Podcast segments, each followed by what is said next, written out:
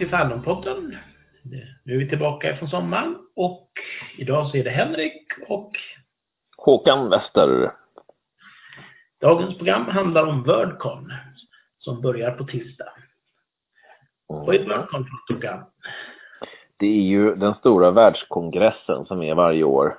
eh, Där fans från hela världen samlas. Och det är på olika platser va, varje år.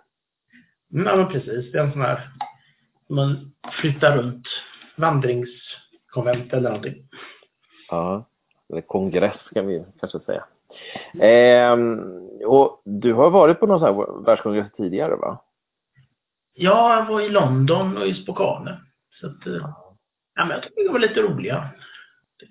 Ja, det blir första gången för mig. Mm. Världskongress. Men de är ju ofattbart stora med 882 punkter. Ja, alltså det, vilket program de har satt ihop. Det, är- man, man drunknar i det. Man vet inte var man ska gå. Man kommer ju missa bra grejer hur man än gör. Eller hur? Ja, dels det och det. Man har ingen ork. Nej, jag, vet, jag, var ju- jag var ju på de här typ, fall på det väl London där med 14 pass varje dag. Och så ska man göra det i fem dagar. Alltså jag orkar ju inte det. nej, det gör man inte. Man tröttnar ju efter några dagar och liksom gör någonting annat. Men det finns ju mycket annat roligt också med alltså försäljning och jag vet inte, jag, jag tycker också, jag tycker det är bra liksom att passa på att se stan, någonting i alla fall. Mm. Det är trevligt att träffa eh, många trevliga människor och sådär, eller hur? Absolut. Ja, träffa andra fans. Mm. Eh, jo, men vi, vi tänkte vi skulle prata om eh, programmet, va? Precis. En, en liten, ehm, ja, en liten titt så här i förväg och lite hur, hur, vad vi tycker verkar intressant. Kanske att det kan hjälpa några andra som ska åka på världskongressen. Ja, det, det var ju ett problem här, för jag hade ju tänkt, tänkt att vi skulle prata om Worldcon på ett program. Och det är 800 punkter. Vi hinner ju inte med. Nej, det, det, är, det är mastodont. Det skulle bli en, eh, en maratonsändning som heter duga. Men om vi ska hålla oss på runt en 20-30 minuter sådär så vad har vi tänkt då? Vi ska dela upp det va? En program per dag. Mm. Ja, men det blir ganska hanterbart. Får vi istället spela in flera program? Precis. Så det här är alltså on- Worldcon 75 i Finland. Onsdagen den 9 augusti. Ja, programmet onsdag 9. Ja, just det. Mm. Mm. Så ska vi bara stega igenom eh, programmet kanske? Vad säger du? Ja, men precis. Timme för timme. Ja. Vill du börja? Okej, nej men klockan 11 är det bara ett enda grej som händer. Och det är en smed ute på, utanför mässhallen. Som väl man kan gå dit och testa sig på att smida. Han håller på till klockan fem, va? Det är en ganska lång tid där. Det är väl eh, en 30-40 minuters pass. Han har, har fem stycken eller någonting. Riktig workshop. Eh, med, med tanke på att det finns så mycket roligt att göra så kanske jag, jag kommer nog inte gå dit. Nej, Det. Det är risk att det är lite för intensivt för mig. Men det är, en cool, det är en cool grej. Ja, det är ju jättecoolt. Alltså, det skulle kunna vara att om man, om man liksom sitter mycket och lyssnar, att man liksom vill upp och röra på sig och göra någonting. Mm. Jobba med händerna. Liksom, det där. Praktiskt. Kanske att det skulle kunna locka mig då. Jag vet inte hur jag kommer känna mig där på eftermiddagen. Förmodligen så, igen, ja, det, det skulle vara dag två eller tre skulle passa mig bättre. Mm. Jag vet inte, han kanske är där senare i veckan också. Vi kommer till det. Mm, ja, men precis. senare, senare sändning. Eh, klockan 12 så drar själva program, eller drar program, många programpunkter igång. Åtta program är klockan 12. Ja. Har du någonting där som du är intresserad av? Ja, alltså egentligen skulle man prata om varenda program. Men då skulle det bli 99 program vi ska prata om bara. Så vi får ju prata om några stycken av dem bara. Mm. Jag tänkte den här Book Publishing and Crowdfunding. Intressant att du säger det, för jag, jag har faktiskt kryssat för den också. Jag, jag har ju använt, det finns något som heter Kickstarter, liksom man betalar pengar så får man hem böcker och dataspel och annat. Så att eh, det är ju det är lite coolt att crowdfunda en bok. Jag har köpt lite rollspel och sådär på Kickstarter. har väl både varit bra och dåligt. Men um, ja, det, det, det, det är intressant det där. Om man har en riktigt bra idé, man kan sälja in den innan den ens är skapad eller man har gjort den för att kunna skapa den. Så man hittar sin, sina köpare eller sin publik i förväg. Ja. Jo, nej, men, men det, det, ja, det är väl ett, först ska man skriva boken, men sen ska man ju sälja boken. ja. Det här är ju tvärtom, man får pengarna innan man har sålt den. Så det, ja, men om, man, om man skulle lyckas få in några pengar på det, jag vet inte. ja, men det, det kan vara lite roligt. Ja. Men ofta är det väl så att man ska redan vara någon för att få pengar. Så här. Någon mm. som är, har, har gjort det. Han eh, som skrev eh, Monkey Island-spelen till exempel, han gick till Kickstarter. Mm, Gilham eller något sånt där. Ja. Nej, men precis. Nej, men precis. Man kan få, det är väl lite grann som det här med hur, hur, blir, hur tjänar du en miljard? Jag börjar med att äga 500 miljoner och sen investerar du dem. Sådär liksom. Man ska vara något förbli något. Ja, Ja. Ja, men det, det, är faktiskt, just mellan klockan 12 och 1 så är det den jag har kryssat i som jag tyckte var, verkade roligast. Mm. Um. Ett litet kryss på den här Academic Track Session 01, Uses of Fantasy. Mm. Det var bara för att den handlar om den här, ehm, det är ett antal tjommar som har på med den här Hobbit-filmen. Och som jämför de Hobbit-filmen mot Hobbit-boken liksom någon form av eh, vad skiljer sig åt och lite sådär. Jag, jag vet inte, den är väl lite rolig just för att den är liksom, det är inte litteraturvetenskap och det är inte filmvetenskap utan det är båda två på någon gång samtidigt på något sätt. Mm. Så att, den var kanske lite rolig. Men det är så svårt. Det är som akademiska, det kan lätt bli så otroligt segt och konstiga termer man inte förstår och sånt där. Ja, det är någon litteraturvetenskap lite här då? Ja men precis. Det är väl, jag tror de har ett eh, konferens som har lagts samtidigt som Wordcon. Mm. Så de här Academic Tract då, de utgör, utgör då allihopa tillsammans en vetenskaplig konferens. Ja, är mäktigt imponerad. Skitcoolt idé. Mm. Uh, precis, the Finnish sub-project of the World Hobbit Project. Ja. Mm. mm, ja, ja, varför inte? Men man, alltså man, man, kommer ju få sålla jättehårt. Alltså, mm, ja, jag kommer nog gå på den här bokpubliceringen, crowdfunding förmodligen där. Om jag inte ska vara goofer. Vi får se vad det blir. Sen har vi 13 till 14. 13 till 14. Då är det inte så många punkter. Nej, lite, lite, hela onsdagen är väl lite lugnare sådär på något sätt. För att det är väl, mm. många kommer väl på torsdag först antar jag. Mm. De har lagt den som en lite lugnare dag. Uh, jag har väl inte kryssat i någonting egentligen där. Men det här med Tolkien, alltså den här invented mythologies, uppfunna mytologier. Mm. Det är ju lite fräckt alltså. Det, det, är lite det här vi håller på med i rollspel du och jag när vi har spelat. Och man hittar på um, världar och hittar på mytologier, ja, så här, bakgrundshistorier till äventyr och kampanjvärldar och sådär. Det finns ju en del författare som liksom skriver tusen sidor om bakgrundsmaterial, alltså 200 sidor. Ja. Nej, men det är absolut... Den är klar möjlighet, tycker jag. Precis, det är så många andra de här, det är alltid samma grej med de här punkterna. Hur är de som är så att säga experterna. För det vet man ju inte riktigt om att du ska vara på, på känna igen något namn eller sådär. De som sitter och snackar om det här känner jag inte igen namnet på. Nej, jag känner inte igen namnet på nästan någon jag är rädd för. Nej. nej. Att, eh, nej, men det är liksom bara, man, man får gå dit och, och generellt har de väl bra personer på Worldcon man hoppas. Ja, men det, det lär vara mycket tanke bakom det här programmet. Det tror jag. Jag hoppas det.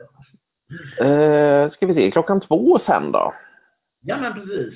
Här är det klart salmiak, den stora. Making fiction about salmiak. Lakrits på svenska. ja, liksom den värsta smaken som finns, säger Det var någon japaner, va?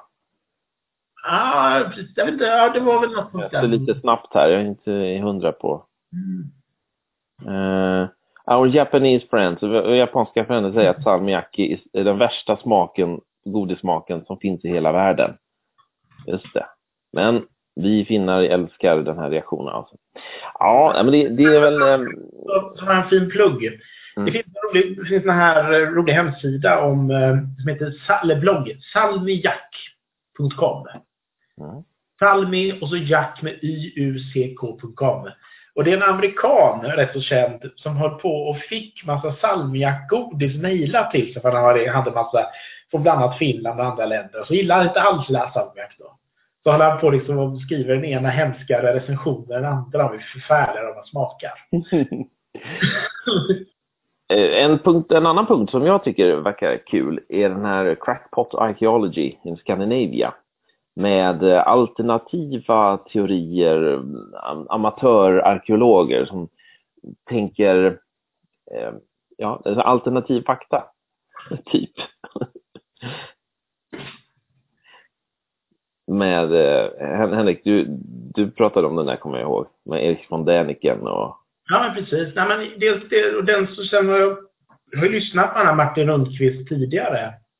Och han brukar hålla bra. Han hade jätteroliga föreläsningar på Swecon och så för något år sedan. Så att eh, han är absolut, jag tror det blir jättebra program där. För jag vet, jag vet att han är rolig att lyssna på. Han pratar om att han grävde ut sin borg ute på en liten ö och sådär. Den här riktigt där arkeologi, time team ungefär. Jättebra tv-program time team, alla bör se förut. Ja, absolut. Vi, vi, vi droppar här våra favoriter. Eh, jag, jag, kan känna att den punkten är hur du, får, hur du gör det mesta av ditt första Worldcon. Skulle mm. kunna vara intressant för mig. Mm. Kanske att eh, jag skulle få mer utbyte av de här dagarna, eller? Jag vet inte. Vad, vad kan de egentligen säga för något? Så här, ta det lugnt. Du kommer missa bra grejer. Det är okej. Okay. ja, nej, men det är väl en... Jo, nej, men det, är väl, det känns som en sån här punkt som man ska ha där för att man ska ha den där. Um, har du något annat som du vill lyfta just i det tidsblocket? Vi kan väl nämna den här Nordisk Science Fiction Now. Mm. Den här finsk, norsk, svensk och dansk science fiction. Jag, vet, jag har varit på liknande sådana konvent, i, eller sådana punkter i Swecon och sånt där. Så, men jag antar att det är väldigt bra att plugga att det finns där. Mm. Mm. Uh, nej, men vi går vidare till nästa, klockan tre. Ja. Då, då har vi öppningsceremonin. Ja, jag tycker att det är lite konstigt att de har en massa punkter samtidigt som öppningsceremonin. Jag vet inte riktigt, för då, jag tror att de flesta gick på öppningsceremonin och då blir det ju väldigt många rätt så tomma punkter där. Jag är lite förvånad att de har så pass mycket samtidigt. Men det, det är ju en, det är så de har ordnat det. Det är jättemycket. Mm. Ja, det är en timme med öppningsceremoni. Det är det. 15 till 16. Det är nästan lite grann så att de tycker att man inte ska gå på öppningsceremonin där de har så mycket annat.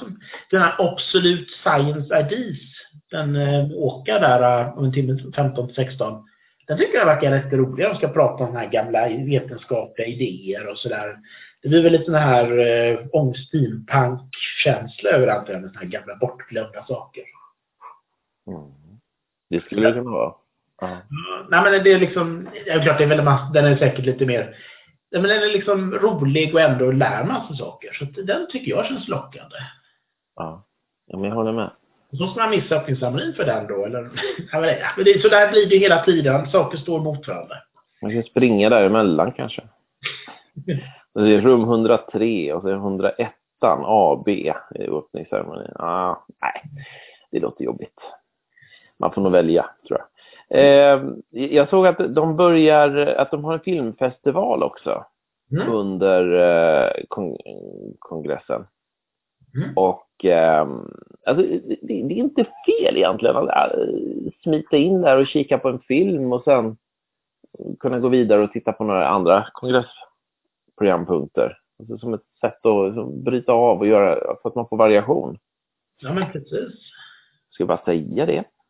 Det är mm. en himla massa filmer. Ja, många kortfilmer är det. De har ju som klippt ihop ett sånt här program. Men det är ju rätt bra för då kan man gå in där och se en 10 minuters program eller något med en viss film och så går man. Så att eh, man behöver inte sitta där som en långfilm på två timmar och missa en massa andra programpunkter. Man kan försvinna in och se på film en halvtimme. Sådär. Absolut. Tänk om man kan köpa med sig någon käk, någon macka och dricka och sitta där och käka och, och titta på någon liten film. Ja, Kanske? Jag, jag vet inte, jag, jag tänker den här bilden, han som sitter bakom och sitter och slafsar i sig sådär. Ja, men det, det är ju jag det. Nej. Vi, vi äter tyst, så stäng mun. Klart. Men absolut, det, det, är ingen dålig idé. Det låter ju mysigt att sitta på film och äta. Ja. Mm. Sen har vi den här global uppvärmning och Gaia-konceptet. Ja, just det.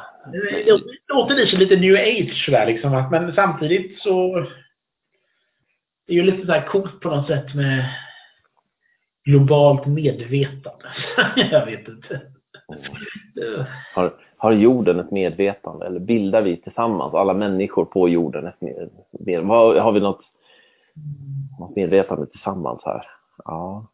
Ja, nej, men det, på ett sätt är det lite grann vi tillsammans utgör vi ju jorden allihopa. Och så kommer människan där och förstör. Det finns ju de som menar att det kommer, människa, kommer jorden liksom och kör global uppvärmning för att slå ut oss så att vi stör så mycket. Så. Ja. Nej, men jag, jag, tror inte det finns någon riktigt globalt medvetande, men, men själva idén med den här Gaia-hypotesen som väl, den är ändå lite underhållande. Mm. Definitivt. Mm. Uh... idé till en bok och sånt där. Ja, ja men det, det kan bli en intressant diskussion där. Mm. Uh, vi tittar vidare sen då. Ja.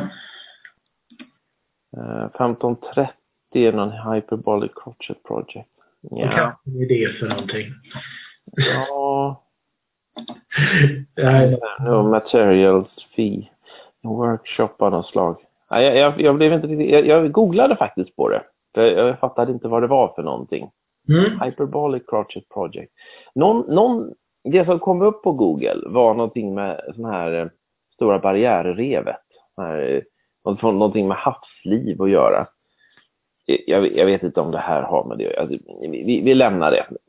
Det är någonting med konst att göra, förmodligen. Vi får se om det är. Ja, jag, jag, jag förstår, jag kollar vad det handlar om nu. Mm. Är att folk bryr sig för lite om miljön. Så då finns det en idé att kroketter, du har på såna här virkar ihop grejer. Så det är folk som virkar korallrev. Och bara som sätter ut. Som ett sätt att få folk liksom att vara medvetna om att det här är, det här är fram, snart är det här enda korallrevet som finns. Eftersom de riktiga korallreven håller på att bli export och dör tack vare temperaturhöjningarna i haven. Och surheten tror jag det är. Jag vet inte om det är temperaturhöjningen eller om det är att haven blir surare och de därför korallerna dör. Men det är, det är ju väldiga problem där i alla fall. Det verkar rätt så imponerande virkat där. De har någon helt jäkla korallrev med alla möjliga färger som gjort till tyg. Ja. Som ser ut att nästan till ser ut att vara riktigt. Jag vet en annan grej jag har på, jag vet inte, jag har inte det själv, men det finns några akvarier. Och så har man tänkt att det är fiskar. Men sen finns det ju sådana som har på med akvarier fast bonsai-träd ungefär. Så man liksom är växterna i akvariet som är det viktigaste. Så som ska forma växter, det ser ut som att det är på ytan, liksom en skog eller någonting, fast det är vattnet. Undervattensväxter. Ja, precis. Jag är lite inne på det där, liksom, när du har någonting, det här ser liksom, har du stickat ihop någonting så att det ser ut som ett krall. Och som, och som, men det var det virkat. Precis. Då har du en hobby. Så när, när, du åker på semester får du ringa till mig så här, Håkan, kan du komma och sköta Bonsai-akvariet. ja, precis. Klippa lite här. Jag, jag, tror det är hur svårt som helst sånt där, så det är nog inget man behöver ge sig in på. Men det är lite roligt det där med någonting som... Ja, det, det kan ju vara skoj, ska vara utmaning. Den här bilden, man, som man nästan jättesvårt att se att det inte är på ytan, utan det är ett vatten man ser. Som träd och sådär. Ja, med, med stigar och liksom, liksom hela landskap va? Ja, eller en trädgård i alla fall. Det är mer skog fast liksom. Mm. Alltså, men jag gillar det här liksom kamouflerat. Det är någonting annat än det ser ut.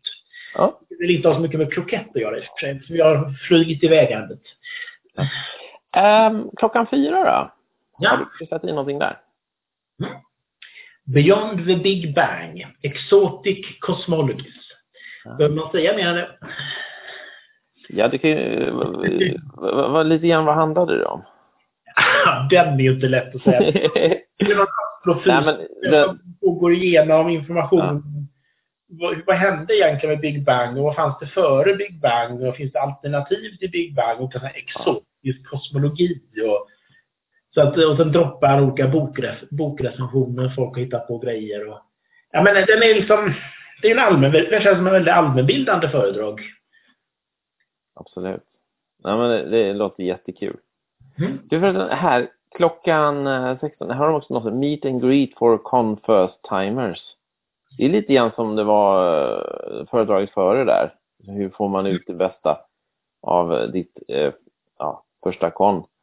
Eh, ja. Första Worldcon. Men här får man träffa andra som är där för första gången. Alltså, frågan är hur mycket ger sånt där?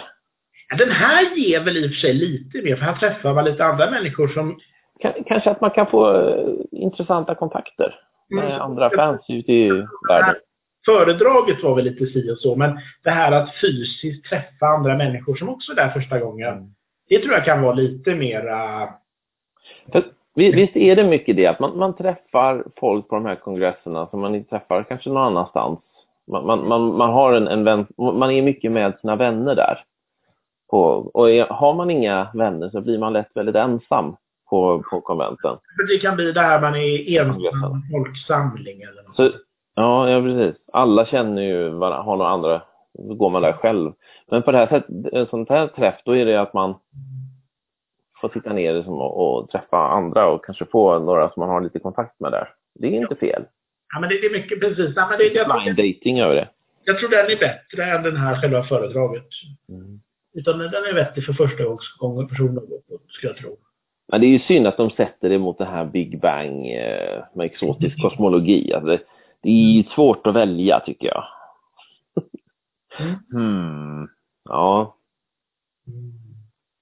Uh. Jag tycker egentligen den här 16 till 17 är kanske typ dagens höjdpunkt. För de har den här Worldcon 75 där de går igenom där Jukka, han är väl han som är huvudarrangören där om jag minns rätt i Worldcon. Ja, och, och, några andra personer så pratar de då om vad de gjort och hur, hur gick det till att, att Worldcon hamnade i Finland och mm. Jag gillar ju lite grann historia och sådär. Det här är väl egentligen en form av fandom-historia som i real nutid liksom berättar hur gick det här Worldconet till? Ja. Inte för att jag tror att jag ska arrangera ett Worldcon själv i Sverige någon gång. Det är väl inte så sannolikt. Men själva idén var hur, hur, hur lyckades de få det till Finland? Så. Det är ju verkligen ett gigantiskt jobb innan man lyckas få, få flytta. För ofta är ju sätt, historiskt sett varit mycket i USA. Mm. Att de lyckas dra iväg det till Finland är ju imponerande. Så nej, men det kan vara roligt att lyssna på. Men de har väl fått mycket stöd från amerikanska fans och sånt? Jo, det är väl sant också. Mm. Men jag, jag, tror ändå att det finns mycket, mycket historia att berätta där om hur de lyckades med det. Mm. Jo, men jätteintressant säkert. Mm. Eh, och det finns en punkt där som heter bortom den stora Great Wall of Europe, den stora muren, europeiska muren.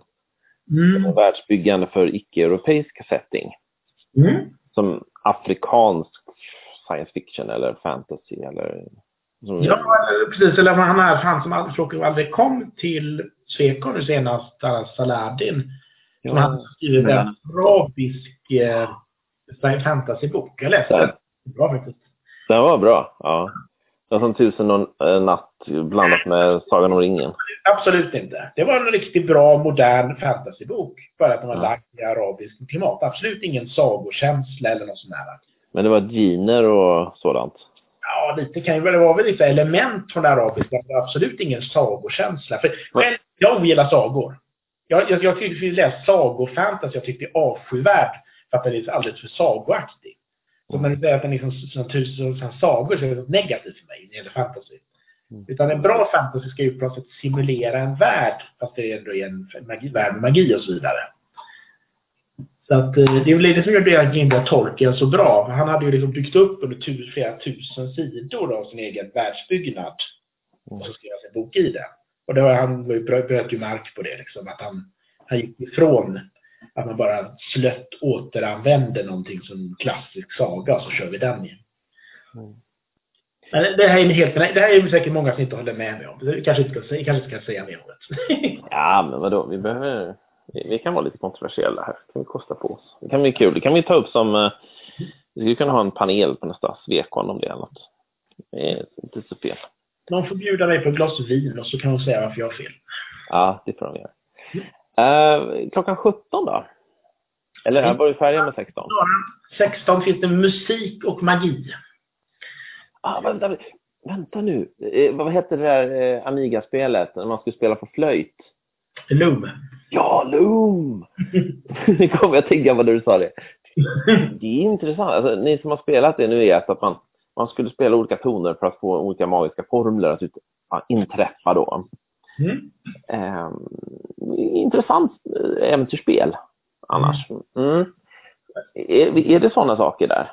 Ja, alltså jag, de, jag, det jag hoppas på är som de väljer musik och magi, det är att de har datorn med sig och spelar upp olika musikstycken på typ en halv minut och så pratar de kring den. Och så, för att om de bara sitter där och pratar om musik i en timme så blir det tråkigt. För de pratar om Kalevala och de pratar om Tolkiens miljö. Mm. Och att de är was sung to exist. Att de, de sjöng, alltså skapades genom att sjunga. Ja, alltså Tolkiens värld är ju sjungen. Det, finns typ den här, det var ju någon sån här, det finns någon, är det Silmarion det skildras eller vad det är någonstans? Att det är en sång som de sjunger då. Och så finns det den här onde guden, den här Morgoth eller vad det heter, som sjunger i diskontant och så är det andra gudar som väver in hans sång i det är så att världen ändå går ihop. Och det här är säkert, om jag inte minns från 20 år sedan, så är det säkert helt fel det jag sagt där, men jag minns någonting i alla fall. Det en risk att det kanske inte är så som jag hoppas, att de liksom blandar. För jag tycker det som är så bra när man gör föredrag, och så har man liksom lite video, där man har lite musik och sen så pratar man kring det. Mm. Sitter man bara där och pratar i en timme kan det bli trist. Mm. Men jag, men jag, hoppas, jag, har, lite förhoppning på den här. Så att, men det är klart, det är så mycket annat 16 till 17, så vet inte katten om har någon tid. Det kanske blir lite, en liten filk där då, eller? Någon- Nej, jag hoppas de inte... Jag tror mer hoppas de skulle spela klipp i dator liksom. Ja, eller om de, om de har någon... De, de, ja, Worldcon nu, Henrik, då, då ska vi ha ett antal musiker som står där och Ja, det spelar. var kör som sjunger. Riktigt, riktigt bra sångare där som sjunger. Ja, ja, då har vi verkligen... Då får vi dra ner dina förväntningar lite där nu. Jag förväntar mig det. ja. Ja, men jag skulle absolut kunna tänka mig det passet också. Mm. Um, klockan 17 har jag inte kryssat i någonting. Har du gjort det? Eh, Destroying the universe with vacuum bubbles. Ja, förstör universum med vakuumbubblor. Det var någonting med att eh, när universum hade gått långt, alltså expanderat länge, så, så drogs liksom det isär, va? Så att det blev bubblor av vakuum. Det här med vakuumbubblor, jag tror det handlar om att man tänker sig ett vakuum. Då har det liksom en viss energi, trots allt. Mm. Så om något är tomt finns det ändå en viss energi i det. Men då finns det en tanke att man kanske kan göra någonting med vakuumet så att den hamnar på en lägre energinivå. Och då liksom skulle plötsligt frigöras energi. Men problemet är när den hamnar på lägre så skulle liksom det som är runt om också dras ner på lägre. Och så skulle du starta en kedjereaktion så att helt allt bara frintas. Och det, och det massa energi skapas och frint förstör allting. Och så exploderar, exploderar det här bara utåt och så förintas universum. Att det kommer ju klart ta miljarder år innan ljuset, innan den här bubblan har exploderat ut och förstört allt. Så att det finns liksom en sån här lägre vakuumenergi som kan förstöra världen. Ja, det där har jag vill minnas i alla fall. Men han är ju någon astrofysiker så han kommer ju säkert berätta mycket mer avancerat och mer korrekt förklarat än vad jag nu. Mm. Ja, nej, men varför inte? Mm. Det är intressant. Eh, jag ser en punkt här, ekonomi i en världsbyggande.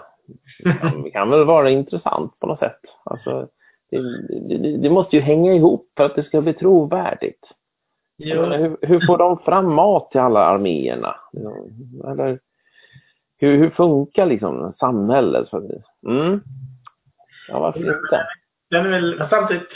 Jordbrukande orcher, eller har de bara slavar där? Eller? Ja. Ja, precis. Och de här stora, storleken på vissa arméer, 100 000 soldater, vilket var en fruktansvärt massa människor för att vara en primitiv eh, medeltidsvärld eller någonting. Och så på något sätt, hur lyckas de överhuvudtaget få det att hänga ihop med utrustning till soldaterna, vapen, mat och... Det, är- det är liksom eh, många sådana här siffror som skulle behöva delas på 10 eller någonting i böcker. Mm. Ja, samtidigt så funkar det ju i antiken. Men det, det, ja, samhällen är organiserade. Och, Många av de här historiska böckerna så har de ju blåst upp storlekarna på arméer. mm.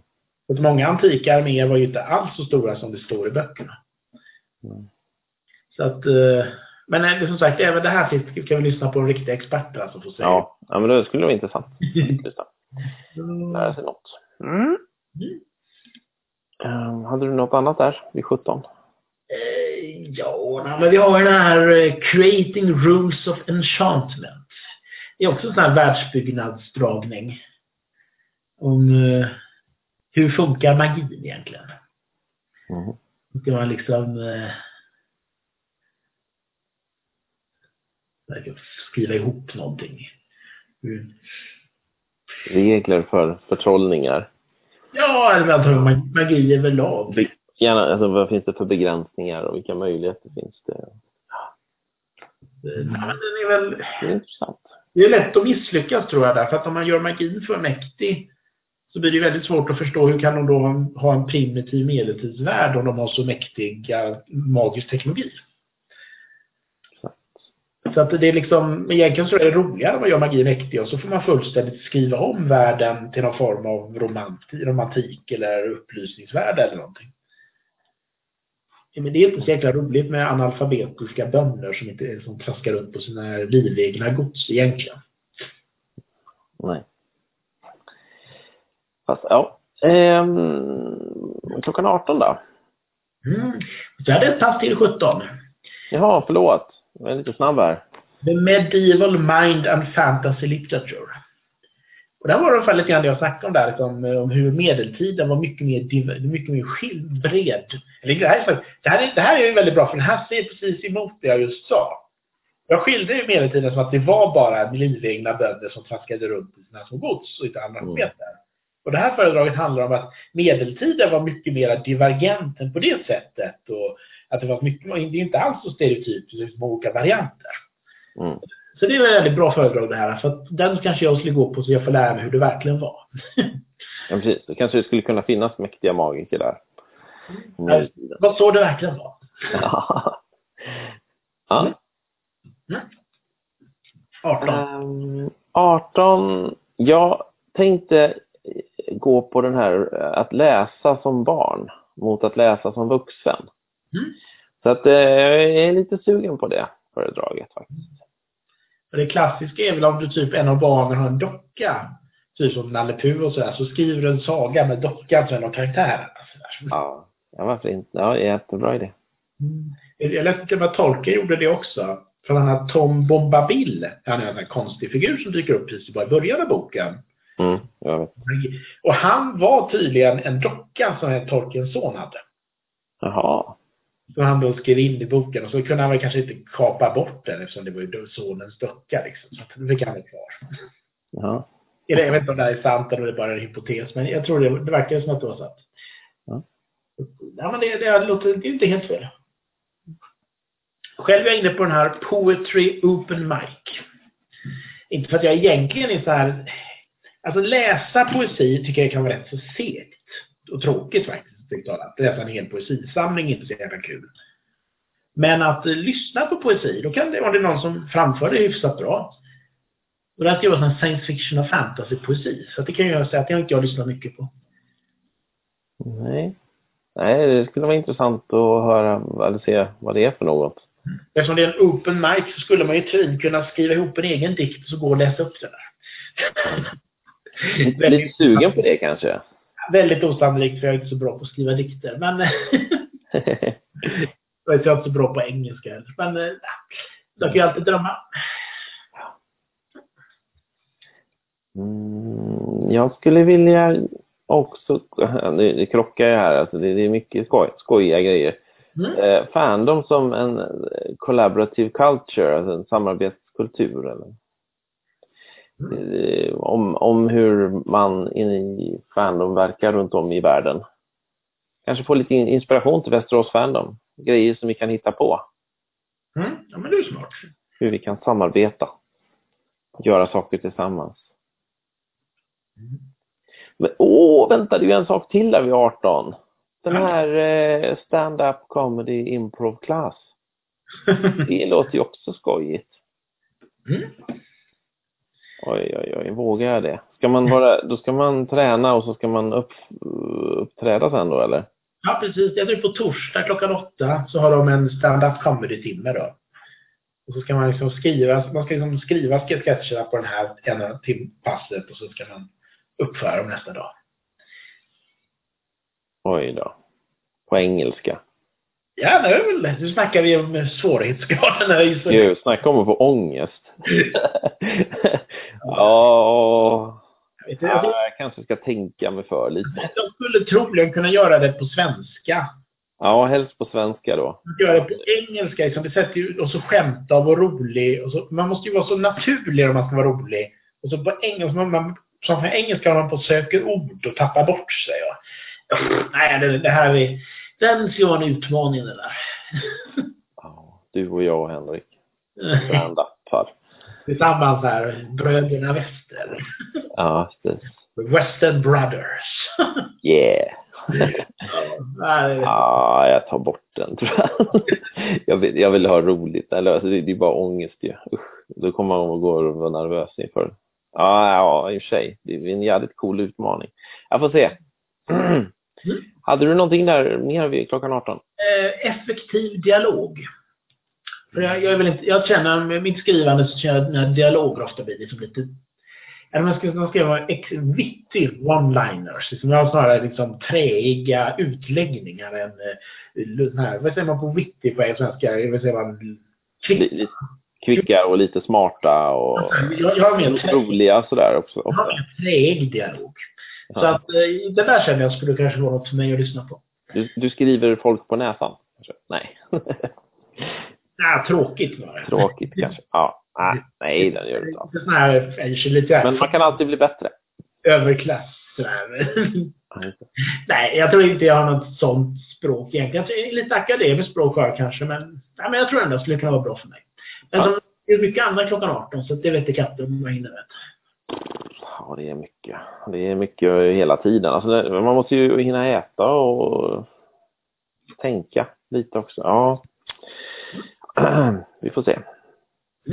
Det är ett problem på Worldcon, det är mycket hela tiden. Mm. Uh, ska vi gå vidare? Ja, men. Mellan klockan 19 och 20, hur ser det ut där då? Mm. Ja, det är ju någonting med psykologi, personalitet och politik. Vart är vi på väg? För att jag är väl lite så här småpolitiskt intresserad och här handlar det om framtiden, hur den kommer att, hur det kommer att utvecklas egentligen. Så att eh, man tänker sig hundratals eller tusentals år. Det är liksom det vi har idag liksom. Nej, men jag tror egentligen så fick man så här med vad är de troliga vägarna framåt? Det, det är just, jag får lite sån här stiftelsen-feeling på det. Ja, lite grann sådär liksom, nu ska vi ursäkta, formen och så. Ser vi vart världen kommer vara om tusen år. Mm. Det är så enkelt. Ja, ja just det. Ha de långa perspektiven. Mm, ja, men absolut. Framtidsforskning är skitintressant. Jo, men precis. Nej, men framtida vägar, men också liksom vad är önskvärt och icke önskvärt och sådär. Den är, ja, allt hänger som sagt som alltid på hur de som pratar är, men den känns ändå lockande. Mm. Sen Jonas Arnqvist heter han som pratar. Det är en, en kille Ja. Föredrag är det. Eller mm. workshop står det som. Mm. Kan man hjälpas åt med att komma på? Ja, det är väl lite grann sådär säkert att man ska få...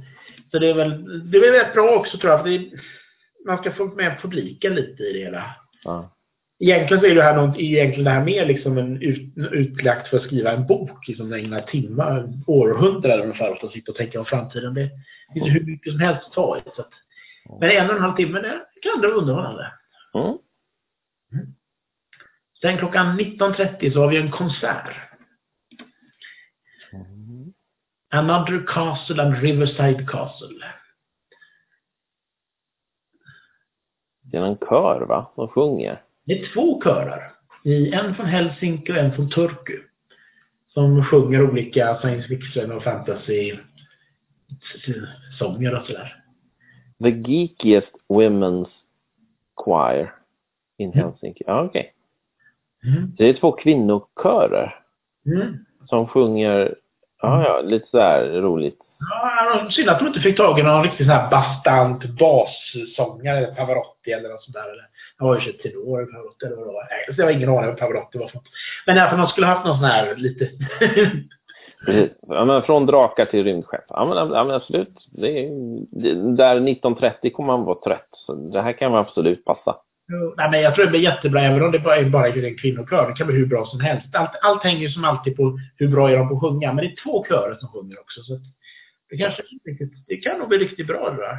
Ja. Jag tror att jag lyssnade på någonting. Det var nog i sig en... Det var i eh, Åland på ett konvent för ett par år sedan. Och då var det någon finsk... Jag tror inte det var kör. Jag tror det var en mässingorkester eller något som spelade en massa sådana här science fiction och fantasy-teman. Och typ Star Wars och Star Trek och annat. Och så här. Det var jätteroligt. Mm. Så, nej, men jag har förhoppningar om det här. Yeah. Eh, är vi redo att gå vidare till klockan åtta? Absolut. Mm. Jag har klickat i eh, de fula bokomslagen. En show där de visar upp liksom det mest fula och vidriga som har Och så har de, och så har de det fina ordet infamous. Ökänd. ökänt dåliga bokomslag. Hur kan man missa den? Ja, men eh, det är här lite lättsamt och, och kul där på kvällen. Det, det passar mig. Absolut. Sen klockan 21 så har vi en riktigt superpolitisk grej. Så jag misstänker till och med nästan misstänker skulle kunna leda fram till slagsmål. Jag vet lite katt att de vågar köra den. Den här Red Mars, Green Mars.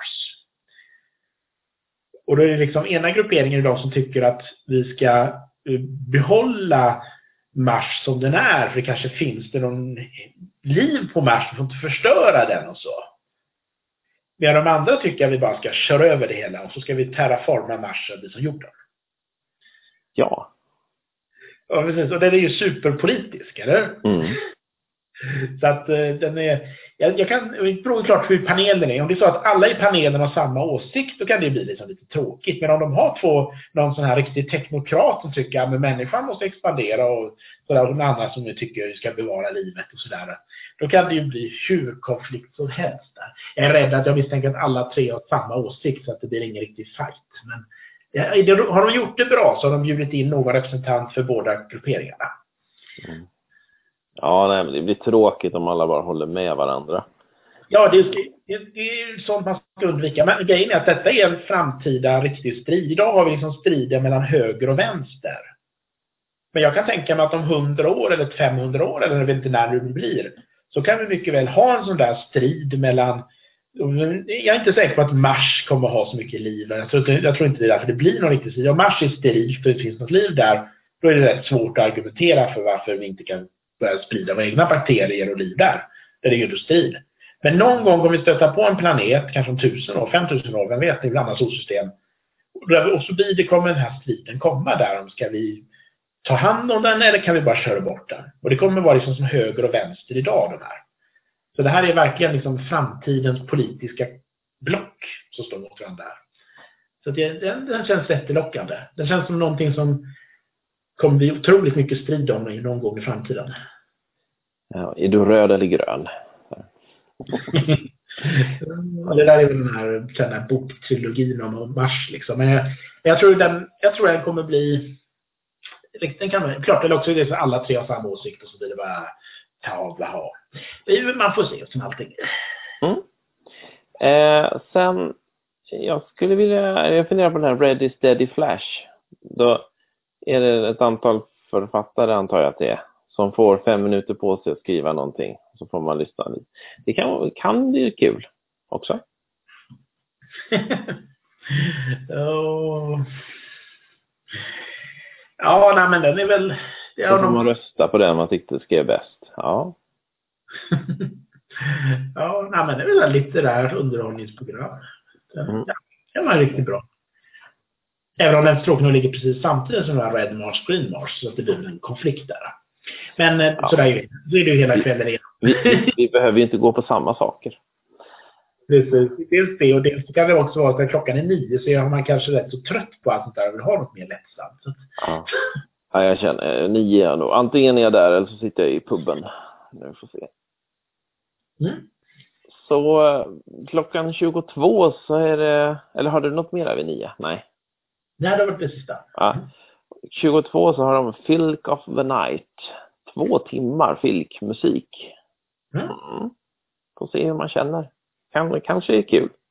Mm, ja, men det hänger mycket på hur trött man är och, och annat roligt som händer. Ja. Det är en annan grej att förutom allt det som är i programmet här så försiggår det ju jättemassa grejer. Dels liksom med de här försäljningar och massa utställningar och annat roligt. Men också händer ju massa folk som hittar på grejer utanför programmet.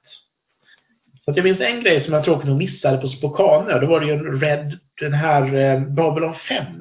Så hade de en meetup för Babylon 5-fans. Mm. Det hoppas jag det kommer någon sån eller Red Dwarf-möte eller något sånt där. Så man får kila på det. Eller andra roliga grejer. Alla har ju sina favoriter. Verkligen. Ehm, kanske, ja. Ja men super. Men du, eh, då har vi faktiskt gått igenom hela onsdagens program. Gud, det här var, tog jättelång tid. Jag är lite orolig för imorgon, torsdagen, 248 punkter. Ja. Alltså, jag tror vi måste vara mer, eh, mer hårda, liksom, vad, vilka punkter vi pratar om. Jag tror vi kan idag. en gräns 10 eller 15 punkter per person eller någonting. För att nu satte vi bara liksom lite, lite anteckningar på sånt där som verkar roligt att prata kring. Mm. Och det gick... Ja, det tog en stund. ja, Ja, men eh, då, vi kanske ska runda av med det här och säga adjö till våra lyssnare. ja men adjö. Så hörs vi imorgon eller övermorgon eller någonting om torsdagen. Ja. Så tack för oss för den här gången. Mm, tack så mycket. Hej då. Hej.